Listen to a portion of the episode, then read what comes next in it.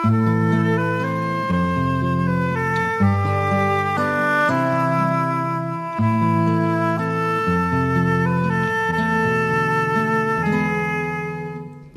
nou is dit tyd vir kortom. Baie welkom by kortom. Vanaand gaan ons luister na een van Nenny Oukamp se meesterstukke en hy het baie meesterstukke gehad. Maar hierdie is Steven en Faye. Dis 'n ontstellende, aangrypende, roerende storie en ek gaan niks meer sê nie. Erik Holm gaan dit vir ons lees. Lekker luister. Reeds jare verseg ek om Kersfees te vier. Allermins in die boesem van die familie. Want jou mense onderstreep alles wat vals is omtrent die dag. Snikke, trane, blink papier. Tog kruip ek nie weg in die feestyd nie. O nee. Ek loop op straat en drink in kafees, kyk en bekyk, maar altyd apart, 'n buiteman. Op Kersaand verlede jaar loop ek ouer gewoonte in die middestad rond. Dit was 'n lekker aand, nie te warm nie, sodat ek ontspanne kon nuuskierig wees. Die strate en die parade was vol van die ou klisjées, dronkies en hoere en dieners en moffies en kinders wat stytig lawaai. Omdat ek gelukkig en gesond was, was alles en almal vir my boeiend of snaaks. Ek was meer as gelukkig. Ek was wel lewend van kop tot tone. En ek kon dit bekostig want ek was nie betrokke nie. Ek was nog altyd buite alles. Toe kom ek op hulle af. Hulle staan bymekaar in die innaam van 'n winkel, man en vrou. Die vrou verwag, die man is moeg.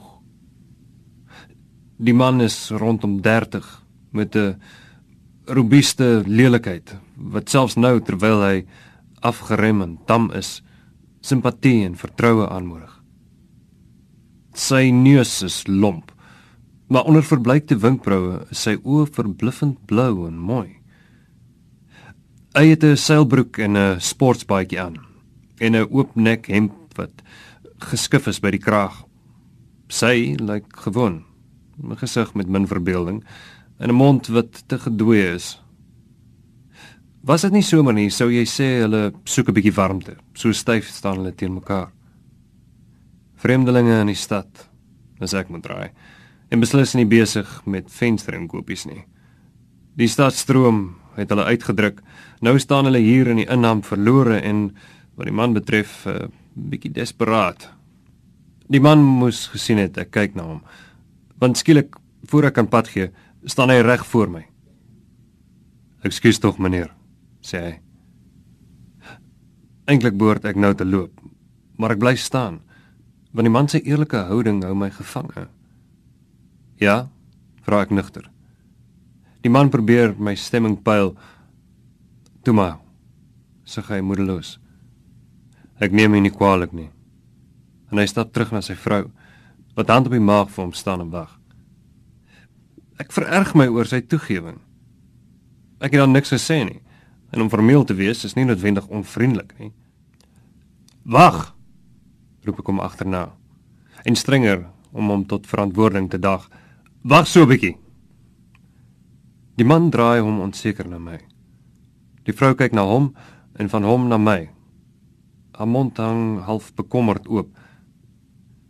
Wat wou jy gehad het? Advies meneer. Of u my kan sê waar ons vanaand 'n slaapplek kan kry. Lucies vir die nag meneer, vir een nag meneer. Nog voor ek my mond kan oopmaak, onderskep hy my vraag. Nie 'n hotel of Lucies huis nie meneer, of ons het al daar probeer. Die YMCA en ek soek na die afkorting. Die YWCA val hy my byna ongeduldig aan. En die heilsleer en twee dominees van die NG Kerk. Die vrou se onderlip ruk asof sy wil huil. Ek wens dat ek van maatskaplike werkers weet, mense wat die antwoord in die situasie ken. Wat van die tronk? My vraag klink so hardvogtig dat ek my skaam daaroor. Ek het uh, eenmal gehoor, krabbel ek terug, dat die polisie in noodgevalle selle afstaan vir die nag. Die man vat aan sy vrou se arm asof hy haar teen verdere vernedering wil beskerm. Mens het jou eer, meneer. Nood breek wet, lag ek senuweeagtig. Die man kyk my vas in die oë met 'n houding van vader vergeef hom want hy weet nie wat hy doen nie. Die oomblik, die besondere assosiasie is fataal. Dit ontketen 'n spel met die romantiek. En eenmal was daar ook twee vreemdelinge in 'n oorvol stad en die vrou was swaar en moes amper baar. Kom saam met my. Ek kan julle weghelp vir die nag. Ek sê dit stig, soos een wat tot 'n skulderkenning gedwing is. Ek bedoel dit nie. Was dit 'n berekende greep aan sy kant? Ek glo nie. Sy lelike gesig is uitgeput maar oop, sonder 'n sweem van kwaadwilligheid. Stomme moe Josef. Hy wantrou bloot die goedheid. Sy vrou wat skeef teen die winkelruit leun, kyk pleitend na hom, vertwyfelend na my. Daar's trane in haar oë. Kom, sê ek beslis. My motor staan op die parade. Ek stap te vinnig vir hulle, want skielik voel ek opgelig. My Kersaand het 'n tema gekry, 'n aanloop tot 'n avontuur. By die motor sê die man: "As meneer nie omgee nie, ons het goed op die stasie. As ons net 'n tas vir die nag kan kry." Na ons verrenoveerde koffer by die stasie opgelaai het, ry ons reguit na my cottage toe. Op pad probeer ek meer omtrent my gaste agterkom. Sy naam is Steven are kon ek nie behoorlik hoor nie. Kay of Fay of so iets. As ons by die robotte moet wag, kyk ek skrams na hom. Probeer hom plaas. Ons storie het al dikwels gehoor, sê die man. Jy hoef dit nie te glo nie. Ek het kom werk soek in die stad. In die koerante gesien was ons soek fitters en turners. Nou ons is by my skoonouers weg oor die huis te vol geword het en uh, daar nou ja oor daar 'n bietjie stry gekom het tussen my en pa. Die vrou wat agter in die motor sit, skuif vorentoe en raak aan die man se skouer. "Toe maar," sê hy kort af. Ons ry in stilte tot by my huis. Intussen begin ek allerlei bedenkinge ontwikkel oor my onbesuisde goedhartigheid skurkery kan die mees bizarre vorms aanneem. Wie sê die vrou is nie 'n man nie? In my eie huis kan ek mishandel en beroof word. Erger nog, blaatante letters voor kafees, wrede moord op vrygesel. Maar ek skud my versinsels van my af. Vannag word dit toets aan my menslikheid. Op my drempel, die tas in sy hand, sê die man nadruklik.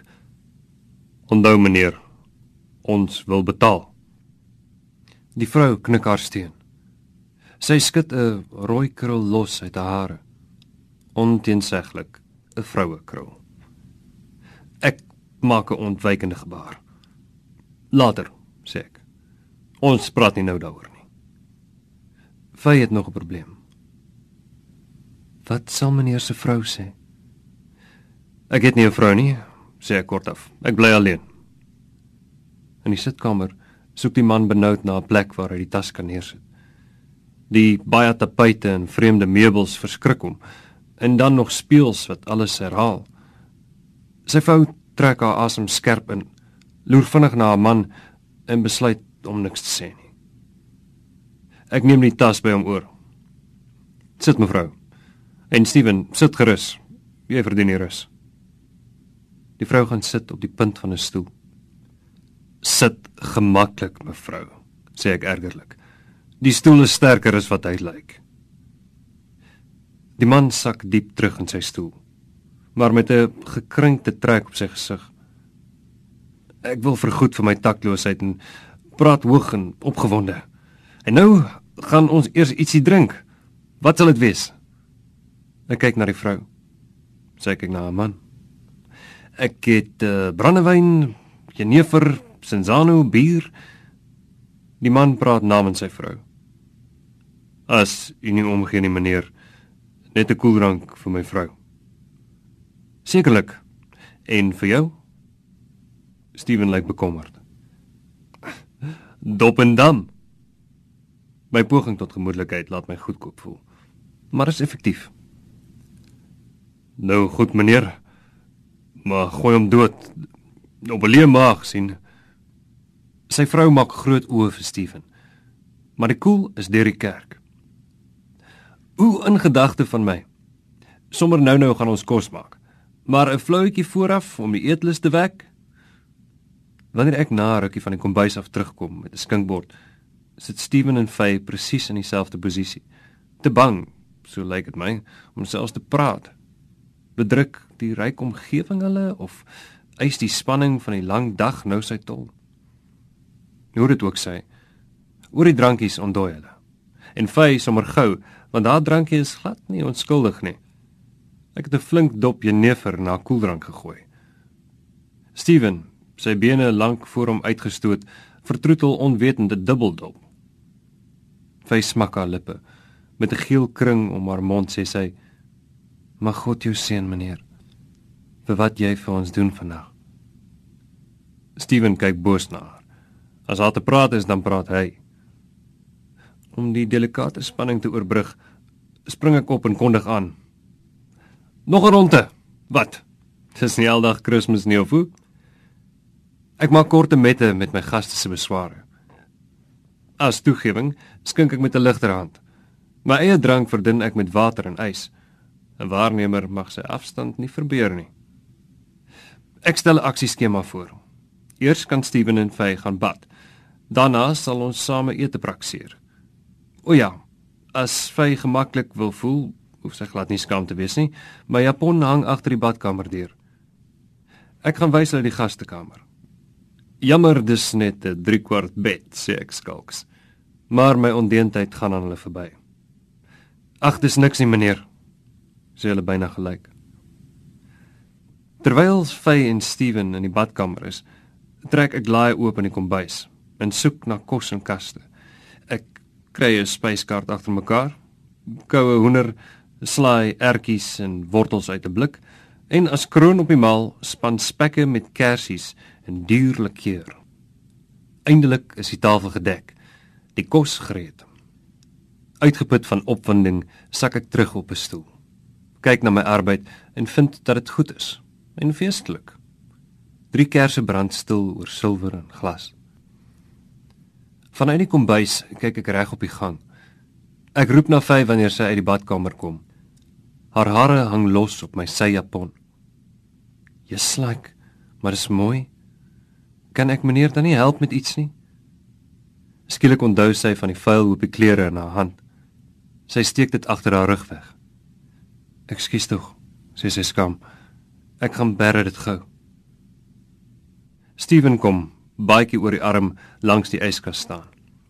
Hy kyk na die kersse, die tuite van die rooi servette en hy skud sy kop en lyk bedroef. Meneer, ek weet nie hoe asseblief, u moet my sê wat dit alles kos. Hoekom moet hy dit nou weet? Ek wil my goedheid geniet sonder vraag of blame. Niks, mompel ek. En dis die laaste woord oor die hele saak. Asseblief meneer, dis 'n kwessie van eer. De. Iso. Maak asseblief die bottel vir my oop. Ek besef dat ek hom beveel het en lag lighartig om my fout te herstel. Dit lyk na 'n prop wat 'n sterk hand vra. Steven glimlag hoflik. Maar daar bly 'n frons tussen sy wenkbroue wanneer hy die kurktrekker pak. Die prop sit vas want die bottel is oud. Ek merk hoe sy hemp oor sy voorarm span. Maak los die knoop. Rol op jou mou, sê ek dringend. Hy lyk verwonderd. Stroop dan terwyl hy na my kyk sy hemp tot bo die elmboog. Daar is 'n tatoeëermerk op sy arm, 'n arend wat met gespreide kloue op die aardbol sit. Ag, eh, die ding sê hy skaam. Dis toe ek nog in die navy was. In die stadium sluit Faye by ons aan. Sy het nog altyd my kamerjas aan. Lyk opgetoon, vroulik daarin. Loop, trek jou eie klere aan, sê Steven kwaai. Wat moet meneer nou van jou staan en dink? Laat bly, sê ek. Ek het mos die voorstel gemaak. Solank sy maar ontspanne voel. Steven beer weer 'n slag. 'n Smak gelyk en die prop is uit. Eintlik sê ek, moes die wyntjie eers kon asemhaal, maar so met die aand kom hy tog tot sy reg. Vygigel onbegrypend. Steven kyk berispend na haar. Die wyntjie kry nie eens kans om tot verhaal te kom nie. Vy drink ook. Steven laat haar begaan. Maar wanneer sy te wild na die slaaibak reik en my mou in die gevaar kom, spring hy in. Oppas! raas hy met haar. Dis 'n duur ding die. Hy stryk met 'n vinger oor die fyn materiaal. Dit uh, kom uit die ooste. Present aan myself. In dieselfde asem kondig ek aan. Tyd vir koffie. Asseblief meneer, laat ek dit maak. Goed, Fay, sê ek inskikkelik. Ek sit die dinge vir jou reg. Ons gaan drink af voor. Alles hier is so de mekaar. Fay bly lank weg. Vanuit die sitkamer hoor ek breek en messe goed en besef dat sy besig is om skottelgoed te was. Steven draai een van my sigare om en om tussen sy sterk vingers. Dit was 'n mooi aand, sê hy. En kyk verwytend na my. Ek verstaan sy lym so half en half. Gekwetste ego. Hy kan sy eer nie bekostig nie. Na die koffie stel ek voor ons gaan slaap. Fay sit in haar stoel en knik. Die rol van Samaritaan het my opgeskerp. Ek kan maar nie tot rus te kom nie. Ek loop terug op my spoor tot waar ek Steven en Fay ontmoet het. Repeteer die aand tot ek dit besit. Enkele beelde spook by my. Fay met 'n glasie lig in die kerslig en met warm wange sê op Kersfees wat ons nie verdien nie. Steven wat met blytende oë na my kyk. Asseblief meneer. Dis 'n kwessie van eer. Ek skik 'n kussing teen die katelstyl en stel my bedlamp vir lees. My aandag is nie by die boek nie. Sodat ek dadelik 'n plank in die gang hoor kraak en kort daarna weet daar's iemand by my deur. 'n Tik teen die deur. Binne sê ek gedem. Steven staan in die deur. Sy hemp is oopgeknoop bo sy harige bors. Ek probeer my skrik wegsteek. Is daar iets verkeerd? Het jy iets nodig? Ek praat te hard. Steven lê 'n vinger op sy lippe. As 'n ekstra voorsorg trek hy die deur siekies toe. Ek dink aan 3, 4 dinge gelyk. Hy lyk nie aggressief nie, eerder skaam. Wat wil hy hê? My romantiese aard sit op loop met my. Jou vrou. Is dit dalk sulke tyd? Nee, nee, sy's nog maande ver. Sy slaap soos 'n klip van die moeg en die drank. 'n Koue vrees begin my sloop. Ek kyk hoe ver die venster is. As ek net 'n wapen by my gehad het. Asseblief, sê die man. Moenie bang wees nie. Ek is verlig oor die woorde. Want nou is ek kwaad, my bang is weg. Ek is nie bang nie. Maar sê my net wat jy wil hê. Hy sluk kyk na die tapuit. Sy hand rus swaar op sy dui. Daar's 'n dik blou aar sy werkershand. Dis net dat ons so skaam voel, jy ontvang ons of ons jou soort mense is. Ons kan niks vir jou terugdoen nie. Ek protesteer floukies. Steven is vasbeslote om deur te byt. Toe wonder ek kyk ons is tog groot mense, né? Nee? Hy kyk ondersoekend na my. Asof hy die een of ander versekering by my soek. Hy vind dit nie. Gaan winkel voort. Al is jy ryk, jy is tog alleen. Jy ken nie die troos van 'n ander nie. Die gesprek raak boeiend. Ek knik ter aanmoediging. Hy glimlag verlig soos een wat sy waarheid bevestig sien. Nou ja, sê hy. As jy nie omgee nie. Ek is gewillig. Ek kan skaars dink so onhits as ek. Loop, roep ek skel. Asseblief loop. Steven staan beteuterd. 'n Kind wat 'n onverdiende klap gekry het. Hy haal swaar asem in die stilte tussen ons. Ek wou jou nie beledig nie, sê hy bitter. En loop dan met 'n trotse rug weg. Die deur klik agter hom toe. Dadelik is ek by die deur, sluit dit toe. My eerste impuls is om die polisie te bel. Gelukkig bedink ek my net betyds. Wat sal my klag wees? Dat 'n vreemdeling in my poort op sy manier vir my wou goed wees? Ek sit op die rand van die bed, bedag op verdere gevaar. Ag, nie gevaar so seer nie. Sommer iets. Niks gebeur nie. En die hele tyd bly in my ore naklink skril en onbeskaafd my eie stem. Die 3 uur se stryk besluit ek te hel. Drink 'n pil, gaan lê bo op my komberse. Van die nag swoel. Wanneer ek wakker skrik, val die son breed by my venster in. Ek is dadelik nugter wakker. Ek soek na my japon, onthou dat dit by vy is. Sluit my deur oop en haas my nog in my slaapklere na die sitkamer. Elke ding staan op sy plek. Geen spoor of teken van diefstal nie. Die kombuis is so aan die kant as wat vy dit gelaat het. Voor die gastekamer aarzel ek. Klop dan beslis. Geen antwoord nie. Die kamer is verlate. Die bed staan opgemaak en op die kussing lê my japon netjies opgevou. Ek kan sit op die bed en stryk afwesig oor die persjapon.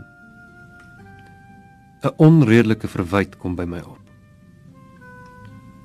Hulle kom iets laat bly het. 'n Briefie, 'n haarnaald, 'n verkreukelde papiersakdoek, 'n dosie vuurhoutjies. Iets kon hy hier laat bly het.